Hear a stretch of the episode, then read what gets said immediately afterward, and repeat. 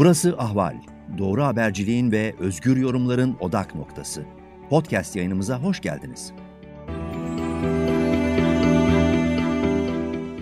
Ahval'den herkese merhabalar. Sıcak takipteyiz ve yine Türkiye-Amerika, Türkiye-NATO ilişkilerini ve Suriye konusunu konuşacağız. Gündem her zaman olduğu gibi çok sıcak ve Washington'dan konuğum e, düzenli olarak yorumlarını bize aktaran Merve Tahiroğlu. Yine bizlerle birlikte. Hoş geldin Merve. Merve. Merhaba, hoş bulduk. evet, şimdi e, Merve Tahiroğlu e, POMED'in yani Orta Doğu Demokrasi Projesi'nin Türkiye direktörü. Bu arada izleyicilerimize onu da bir kez daha hatırlatmış olayım.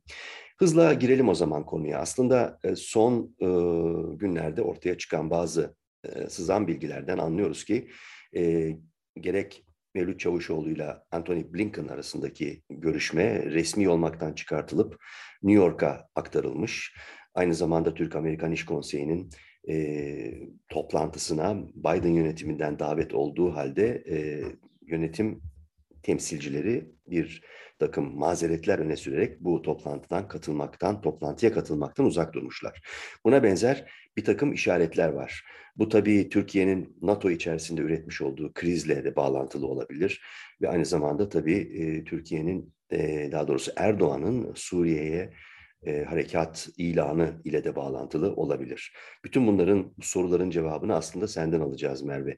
Yeni bir e, soğuk savaş mı yoksa e, Amerikan yönetimi, Biden yönetimi, e, Erdoğan yönetimini böyle bir dirsek mesafesinde tutma eğilimini iyice artık katılaştırmış durumda mı? Ne görünüyor Washington'da? Ee, biraz ikisi de aslında. Ee, şöyle yani Biden yönetimi zaten e, ilk buraya yani geldiğinde yönetime geldiğinde e, demişti ki ben e, dünyadaki e, yani demokrasi ciddi bir saldırı altında bütün dünya üzerinde. Bunu kendi ülkesi üzerinden başlattı tabii ki Trump yönetimi. Dört yıllık Trump yönetiminde e, Amerika Birleşik Devletleri'nin yaşadıkları üzerine bir demokrasi savunmasıyla geldi burada yönetime.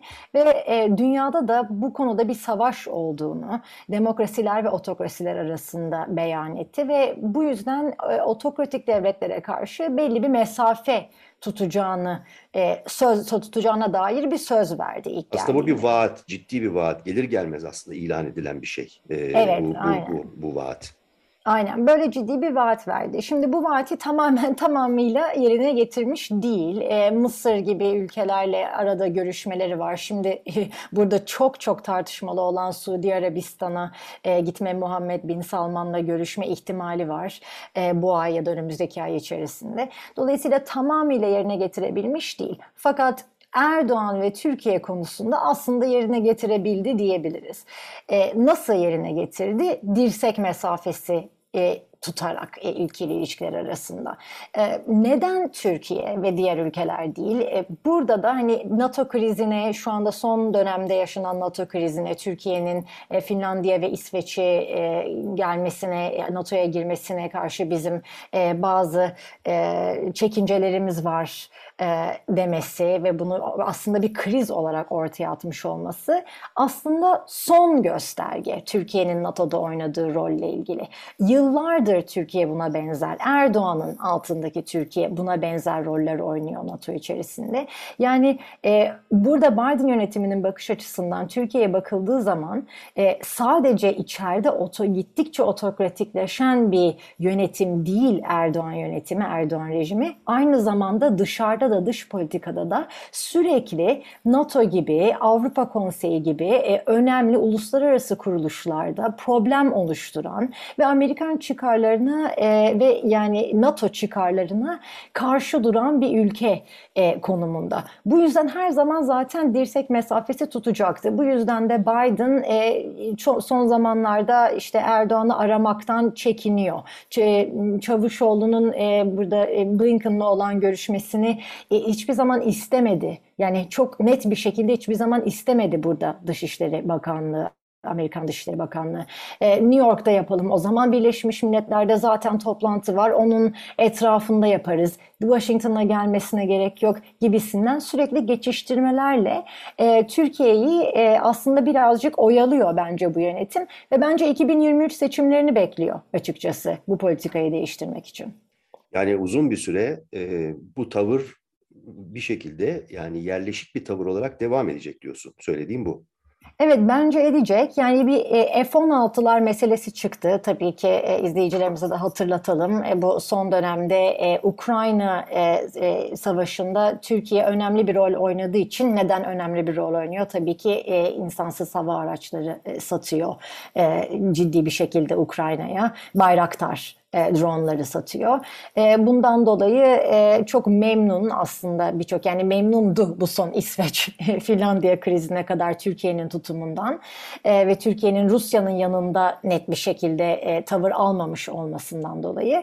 E, Türkiye'de bunu e, yani nasıl diyeyim e, kapitalize etmeye çalışarak kendine dönüş iyi bir iyi bir fırsat olarak dönüştürmeye Kendi avantajına çevirmeye çalışarak yani evet. A aynen fırsat e, bilerek yani e, Amerika'dan F-16 uçakları talebinde bulundu. E, kendi e, zaten Türkiye'de var olanlardan daha modernize, e, daha iyi e, uçaklar talebinde bulundu. Bu talebi değerlendiriyor bir süredir e, e, burada Biden yönetimi. Hatta kongreye bu konuyla ilgili bir takım beyanlardan beyanlarda da bulundu. E, bunu yapmak aslında bizim için iyi olur. Türkiye'yi yanımıza tutmamız lazım. Türkiye'ye bu silahları satmamız lazım vesaire diye. Fakat e, yani bu tutum konusunda da e, çok da ciddi görünmüyor ya da e, daha ciddi görünüyordu. Fakat bu son kriz üzerine aslında tamamen duruldu diyebilirim Washington'daki bu tartışmalar. Şu anda e, yani silah satışı pek de söz konusu değil. E, ama zaten silah satışının üstün yani dışında da e, pek bir diplomatik e, ilişki e, götürmeye hani bakın yakın arkadaşımız Türkiye gibi bir takım e, gösteriler yap, yapmaya da zaten meyilli değildi Biden yönetimi ve bu da kesinlikle ve kesinlikle e, Erdoğan yönetiminin Türkiye'nin içinde ve dışındaki e, e, davranışlarından, tavırlarından, politikalarından kaynaklı. Aslında Amerikan Başkanı Biden Erdoğan'ın çok yoğun bir şekilde özellikle de Yunanistan Başbakanı Mitsotakis'in Washington çıkartmasından diyelim ziyaretinden sonra özellikle birlikte bir resim vermesini, görüşmesini, birebir görüşmesini istediğini biliyor Biden bu sözümü ettiğimiz dirsek mesafesinde tutma, uzak tutma tavrı öyle anlaşılıyor ki Madrid zirvesinde de ve o zamana kadar da devam edecek. Çünkü görüşlere göre Biden böyle bir fotoğrafın e, verilmesi, böyle bir görüşmenin yapılmasının e, artık iyice seçim satım haline girmiş olan ve gitgide baskıyı artıran Erdoğan'ın lehine, avantajına olacağını düşünüyor olabilir mi? Kesinlikle bence öyle düşünüyor e, ve aynı zamanda da yani sürekli NATO içerisinde sorun yaratan e, bir yani liderle e, birlikte aynı karede görünmek istemiyor. E, bu çok net. Bunu e, buradaki basına da söyledi. E, yani eğer e, yani Erdoğan'ın e, Finlandiya ve e, İsveç'in NATO'ya girmesini kabullenmesi için gerekirse Erdoğan'ı arayacak mısınız diye bir soru yöneltildiği zaman e, aramayı düşünmüyorum. Ama bence bu sorun çözülecektir dedi. Yani alt seviyelerde e, bu tip gerginlikleri halletmeye çalışıyor ve bence e, aslında doğru bir politika yapıyor. Çünkü geçmişe bakacak olursak e, yani Cumhurbaşkanı Erdoğan'ın bu tip daha önce bir sürü çıkışı oldu NATO'ya karşı, ABD'ye karşı ama günün sonunda e, vazgeçti tavrından. E, bence bunda da aslında Finlandiya, İsveç, NATO e, üç bu bu üç kurum ve ülkeyle e, irtibatta bulunarak Türkiye bu sorunu çözebilir. E, Biden yönetimi ya benim burada aslında oynayacak çok da büyük bir rolüm yok. Buna gerek yok. E, bunu NATO, e, İsveç ve Finlandiya hallederler Türkiye ile e, diye bakıyor konuya. E, ve bence de e, mümkün yani bunun bu şekilde halledilmesi. Aslına bakılırsa e, yani Cumhurbaşkanlığı Başdanışmanı İbrahim Kalın'ın son yaptığı açıklamalar ardından da e, görüyor ve anlıyoruz ki gerek İsveç'le e, gerekse Finlandiya ile Finlandiya biraz daha ilerleme kat etmiş görünüyor ama İsveç'le tamamen kilitlenmiş ve bir sonraki toplantının yapılıp yapılmayacağı bile belli e, değil. Bu manzara aslında e, Türkiye'nin NATO İsveç ve Finlandiya üzerinden NATO çıkışının da bir karşılık bulmadığını, kendi lehine bir karşılık bulmadığını bize gösteriyor. Benim konuştuğum İsveçli resmi kaynaklarda aslında görüşmelerin yani görüşmeler devam etsin mealinde gösteriş olsun. Yani bir şekilde e, göstermelik olarak daha doğrusu devam edeceği yolunda işaretler verdiler. Bana aktardıkları bilgiler. Dolayısıyla top her şeye rağmen özellikle Suriye, e, YPG, PYD üzerinden bu e, dizaynın kurucusu olan Amerika Birleşik Devletleri yönetimine e, bir şeyde top yuvarlanmış oluyor. Ya da top o sahada hala kalmaya devam ediyor. Dolayısıyla e, gelelim Suriye'ye. Çünkü e, özellikle İsveç'teki son gelişmelere baktığımızda e, oradaki Kürt diasporasının ve siyasi temsilcilerin hayli ağırlıklı olduğunu görüyoruz. Aynı zamanda ortaya çıkan bir başka ve dile getirilen bir başka konu da Türkiye'de siyaset eğer Erdoğan yönetimi aleyhine değişecekse, daha doğrusu düzen değişecekse burada kilit rolde olanlar Kürtler. Türkiye'nin Kürtleri ve onların Kürt seçmeni ve onların temsilcisi durumundaki HDP. Dolayısıyla e, bu faktör göze e, alınmadan herhangi bir şekilde ne, ne İsveç'in dolayısıyla belki de Amerika'nın da e, bir şekilde Suriye'deki PYD, YPG e, konusunda bir tavır değişikliğine gitmeyeceği e, sonucuna da varılabilir. Ama senden duymak istiyorum düşüncelerini. Yani e, Washington'un Suriye üzerinden ortaya çıkan e, harekat, istila ihtimali üzerine bakışı nedir? Burada görüyoruz ki e, gerek Amerika gerekse Rusya e, yeşil ışık yakmış değiller. Dolayısıyla Erdoğan e, yönetimi frene basmak zorunda kalmış durumda. Ama bu demek değil ki e, harekat tamamen gündemden kalktı. Nedir senin e, gözlemlerin, düşüncelerin, elde ettiğin bilgiler, duyumlar? Evet, bir yani bir ne diyeyim e, zor bir noktada burada Türkiye. E, bence Erdoğan yönetimi e, kesinlikle yapacak bu e, Suriye operasyonunu. Yani kafaya koymuş durumda görünüyorlar. E, her taraftan açıklamalar geliyor. Her gün açıklamalar geliyor. E, bunu kesinlikle yapmak istiyorlar. E, özellikle de seçim öncesi oylarını arttırabilmek için gerek AKP ve MHP'nin e, gerek Cumhurbaşkanı Erdoğan kendisinin oylarını arttırabilmesi için böyle bir e, harekata ihtiyacı var açıkçası. Hem Türkiye'de milliyetçi duyguları birazcık daha hani pohpohlayabilmek için hem de bence yani aslında biz tabii ki bu böyle bir operasyon Kürtlere, YPG'ye karşı e, ilk olarak onlara karşı yapılacak. Ama ikinci e, bir tarafı da var bunun aslında çok da konuşmadığımız. E, o da mülteciler sorunu. Yani Türkiye'nin mülteciler, e, yani Türkiye'deki mültecilerin varlığı özellikle son bir ayda çok ciddi bir siyasi kriz haline gelmiş durumda. Her siyasi parti bu konuyla ilgili çıkıp açıklamalarda bulunuyor. E, vatandaşlar e, sosyal medyada özellikle e, sürekli bu konuyla ilgili dezenformasyon var, e, bu konuyla ilgili tartışmalar var. Ve bence böyle bir harekat yaparak e, zaten biz orada güvenli bölge oluşturacağız gibi söylemleri de var e, Erdoğan'ın e, ve AKP'nin. E, bence bir yandan da seçmene bakın mülteci sorununu bu ülkede birisi çözecekse bu da biziz ve bunu çözmek adına ne adımlar atıyoruz, güvenli bölge oluşturuyoruz imajını vermek istiyor seçim öncesi ve şu dönemde. Bence bu yüzden e, bu operasyon e, olacak yani kesinlikle bunu kafaya koymuş durumdalar. Fakat e, dediğin gibi olması için e, Rusya'dan yani he, Amerika'da yeşil ışık vermedi, Rusya'da vermedi. Bir kere Suriye ve İran'ı da katalım onlar da çok önemli aktörler. Amerika ve e, Rusya kadar olmasa da ama bu bölgede özellikle Tel bölgesi için çok önemli iki ülkeler. Bu dört ülkede biz böyle bir operasyona karşıyız dedi. E, hatta e, YPG daha doğrusu Suriye Demokratik Güçleri dediğimiz e, SDF e, yönetimi de gerekirse biz Suriye e, ordusuyla birlikte Türkiye'ye karşı e, e, savunmamızı yürütürüz gibi açıklamalarda bulundu. Yani Suriye her Demokratik taraf... Güçlerinin komutanı Mazlum Kobane'den geldi bu aslında bu bilgi. En son e, bir Suriye kaynağının aktardığı bu bilgi. Evet, evet, aynen öyle ve bu çok aslında ciddi bir açıklama. Hani Suriye'ye gerekirse işbirliği yaparız. Eğer Amerika bizi korumayacaksa, Rusya bizi korumayacaksa demek bu e, Kürtler tarafından, Suriye tarafından e, e, gelen. Yani herkesin Türkiye'yi durdurmaya karşı bir çaba çabası var. E, fakat aslında Türkiye'nin burada asıl ihtiyacı olan şey böyle bir operasyon yapabilmek için bu ülkelerin hiçbiri değil Rusya. E, bu yüzden de zaten Dışişleri Bakanı Lavrov e, yarın sanırım çarşamba günü e, Türkiye'ye gelecek ve bu Türkiye'de de, tabii ki Ukrayna için bir e, koridor e, tar- tartışması olacak. Bu çok önemli bir şey. Fakat kesinlikle ve kesinlikle Türkiye tarafından bu Suriye operasyonu ile ilgili de bir yeşil ışık alma e, çabasını görecek göreceğiz bence. Bu konuda Rusya'ya ne teklif edecekler e, öngöremiyorum açıkçası. Fakat bir şeyler teklif edecekler ve bence kesinlikle Türkiye'nin bu ziyaretten almak istediği şey Rusya'nın hiç olmazsa göz yumması böyle bir e, operasyona ve ancak bu şekilde yapabilir.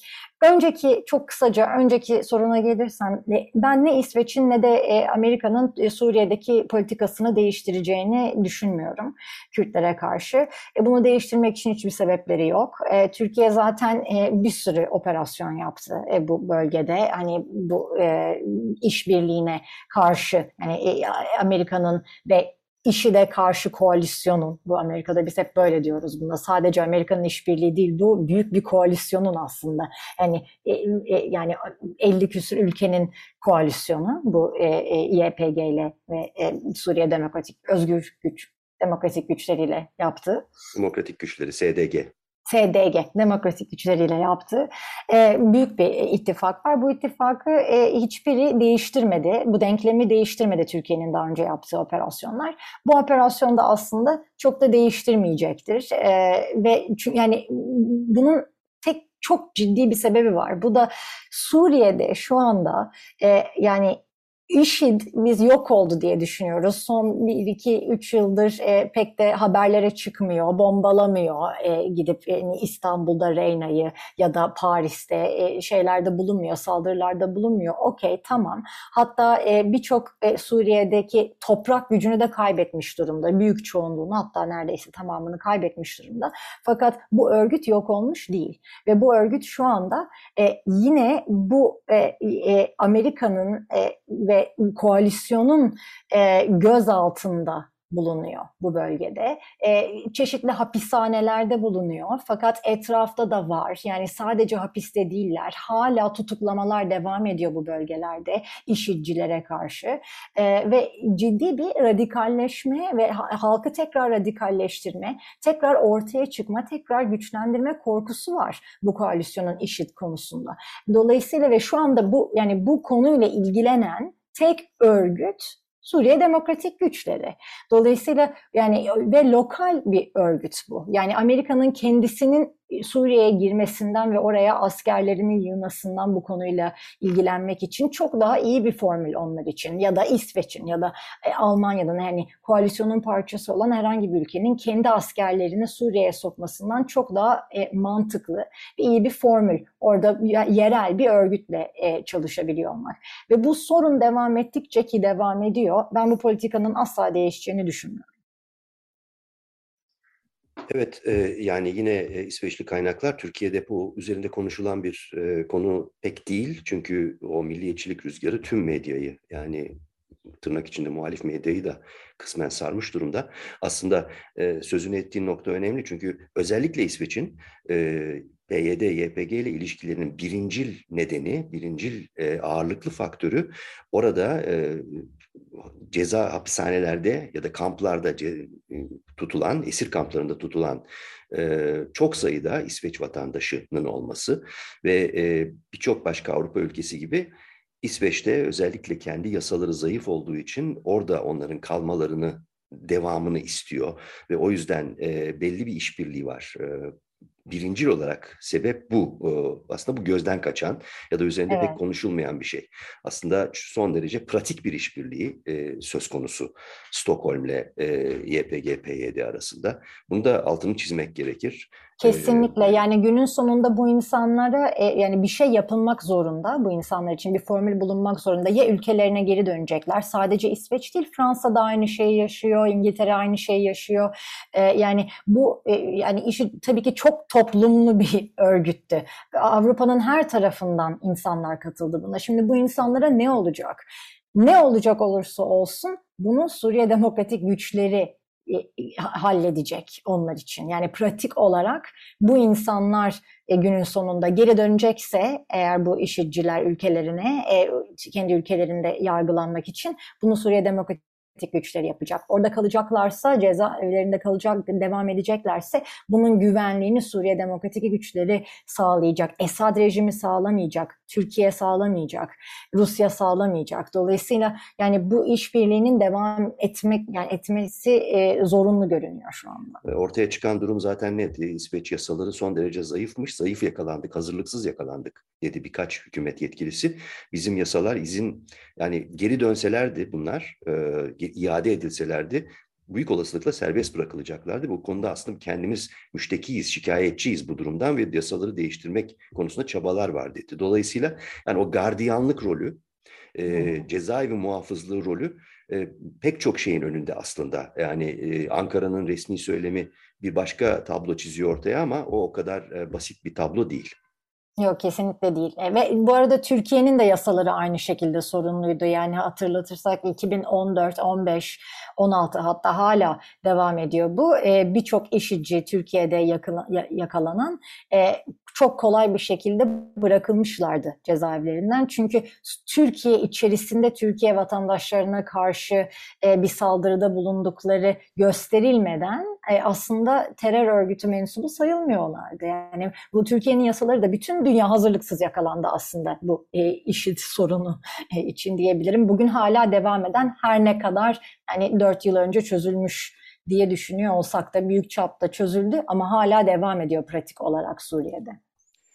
Peki e, Merve Tahiroğlu e, Orta Doğu Demokrasi Projesi POMET kısa adıyla e, bilinen düşünce kuruluşu Washington'da Türkiye programı direktörü. Merve teşekkürler bu nasıl diyelim ufuk turu için Türkiye, Suriye, NATO, Amerika Birleşik Devletleri, Avrupa bunları kapsayan ve son bir durum değerlendirmesi için.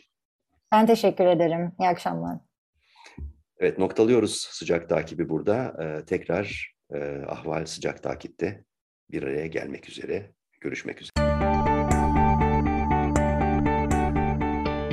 Ahval podcastlerini tüm mobil telefonlarda Spotify, SoundCloud ve Spreaker üzerinden dinleyebilirsiniz. Apple iPhone kullanıcıları bize iTunes üzerinden de ulaşabilir. Türkiye'nin ve hayatın cıvıl cıvıl sesleri Ahval Podcast dizisinde. Kulağınız bizde olsun.